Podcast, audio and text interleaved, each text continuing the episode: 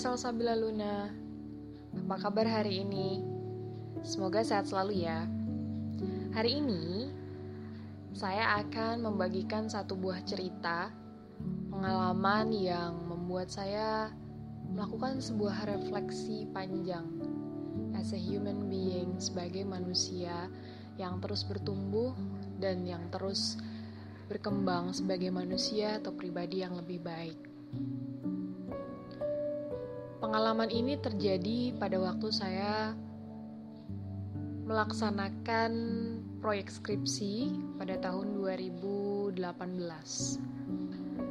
Saat itu menjadi seorang yang menjalankan skripsi sendirian mungkin bisa dikatakan sebagai sebuah tantangan yang mengharuskan diri untuk tetap keep up sama semangat dan berdoa tentunya sama Tuhan karena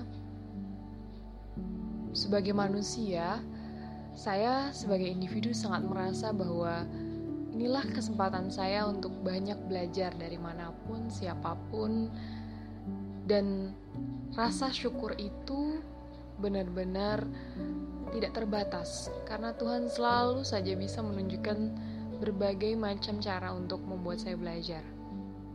Di masa skripsi saat itu.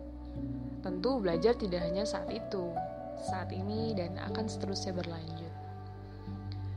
Namun hal yang menarik dari proses itu adalah ketika saya bertemu dengan satu driver ojek online. Saat itu saya memang pulang pergi dari kampus karena menyelesaikan skripsi yang sangat padat waktunya. Saat itu juga saya ingin berkunjung ke suatu tempat, akhirnya saya memilih menggunakan ojek online. Di sini saya mendapatkan driver yang sangat bijak. Andai saya bisa ketemu lagi, saya pengen banget berterima kasih sama beliau. Meskipun belum bisa bertemu, saya tetap berdoa untuk beliau supaya beliau baik-baik saja dan keluarganya selalu sehat apa sih sebenarnya yang saya pelajari ya? Sebenarnya simple teman-teman. Saya belajar dari beliau itu tentang filosofi telur. Pada awalnya kita bercakap mengenai satu proses perjuangan, pekerjaan, kemudian saat saya singkat bahwa sepertinya Mbak sibuk ya, sedang menyelesaikan apa, skripsi Pak. Dan akhirnya beliau bilang, Tenang saja mbak, saya percaya kok mbak orang yang gigi itu mungkin dari awalnya memang sudah diberikan banyak cobaan dulu mbak supaya bisa berhasil satu hari. Dulu mbak, saya pernah dibilang sama orang tua saya, ini filosofi telur sih mbak, saya belajar dari orang tua zaman itu saya bilang telur yang dihasilkan dari keluarga atau dari lingkungan yang baik pastinya di akhirnya akan berjalan dengan baik. Di situ saya berpikir, saya melakukan refleksi panjang atas perjalanan yang pernah saya dapatkan seumur hidup saya. Saya mengingat banyak orang saat perjalanan itu saya mengingat sejauh mana saya melangkah hari itu, dan saya mengingat juga orang tua saya. Beliau mengatakan lagi, pada dasarnya ya mbak, ayam itu mungkin menetaskan telur banyak mbak. Tapi dari telur-telur itu, jika telur itu bagus memang dari penetasannya, ketika dipindahkan mbak ke mana pun tempatnya, dia akan tetap menjadi telur yang bagus dan akan menetas dan menjadi anak ayam yang bermanfaat. Saya tidak bilang filosofi ini terlalu sempit, tidak. Karena ini merupakan salah satu refleksi sederhana dari ibu bapak driver tersebut. Saya merasa bahwa ada pesan yang ingin beliau sampaikan mungkin tidak tersurat dan kita bisa memahaminya secara langsung enggak Tapi as a human being, kita punya kemampuan untuk berpikir dan merasa, kita punya rasa peka, kita bisa merasakan pesan apa yang sebenarnya Bapak driver ini sampaikan. Di situ saya mengingat bahwa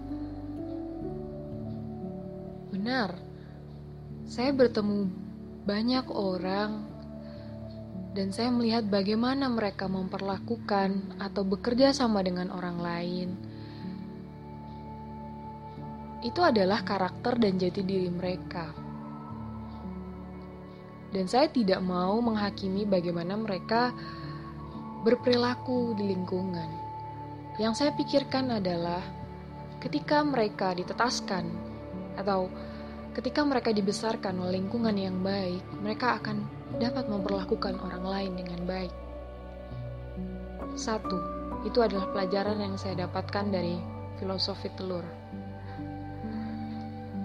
Yang kedua, ketika mereka sudah dibesarkan dengan baik di lingkungan pertemanan ataupun sekalipun komunitas yang lebih luas, mereka juga akan memiliki rasa ingin berkontribusi baik. Dan yang ketiga, setiap proses, apa pun perpindahannya, apa pun tantangannya, jika seorang pribadi itu sudah ditakdirkan menjadi seseorang yang tangguh, maka ia akan tetap tangguh di mana pun ditempatkan. Perjalanan driver saat itu mencakup 30 menit, 40 menitan lah ya. Saya ingat banget di situ saya benar-benar menikmati percakapan dengan bapak driver tersebut. Saya merasa bahwa hari itu hari yang cukup mendebarkan. Tentu saja revisi skripsi, kemudian perlu untuk diri saya untuk mengaktualisasi apa yang menjadi masukan dan memberikan semangat bagi diri untuk melakukannya lagi. Saat bertemu dengan Bapak ini, saya merasa bahwa ada hal baik, ada semangat baik yang diberikan oleh semesta, oleh Tuhan kepada diri saya. Tentu hal ini menjadi sesuatu yang istimewa dan saya selalu mengingat pesan filosofis itu. Dan saya merefleksikan dan setiap saya bertemu dengan orang. Apa pelajaran lainnya? Menurut saya, kita tidak bisa memaksa telur yang terlahir itu untuk terus bagus ketika memang perjalanan itu sulit. Ketika memang perpindahannya itu sulit. Tapi kita bisa menetapkan tempat yang baik di awal telur itu menetas. Saya tidak tahu apakah kalian bisa menangkap apa yang saya katakan tapi terima kasih kepada Bapak driver. Saya sampai hari ini masih ingat pesan itu dan mudah-mudahan ini bisa menjadi hal baik untuk diingat dan dibagikan juga kepada teman-teman yang mendengarkan podcast saya hari ini. Sepertinya cerita singkat ini cukup. Kalau kalian punya ide untuk berbincang atau topik seru lainnya, boleh banget untuk share ke saya. Dan sampai jumpa di episode berikutnya. Terima kasih telah mendengarkan podcast Salsa Bila Luna.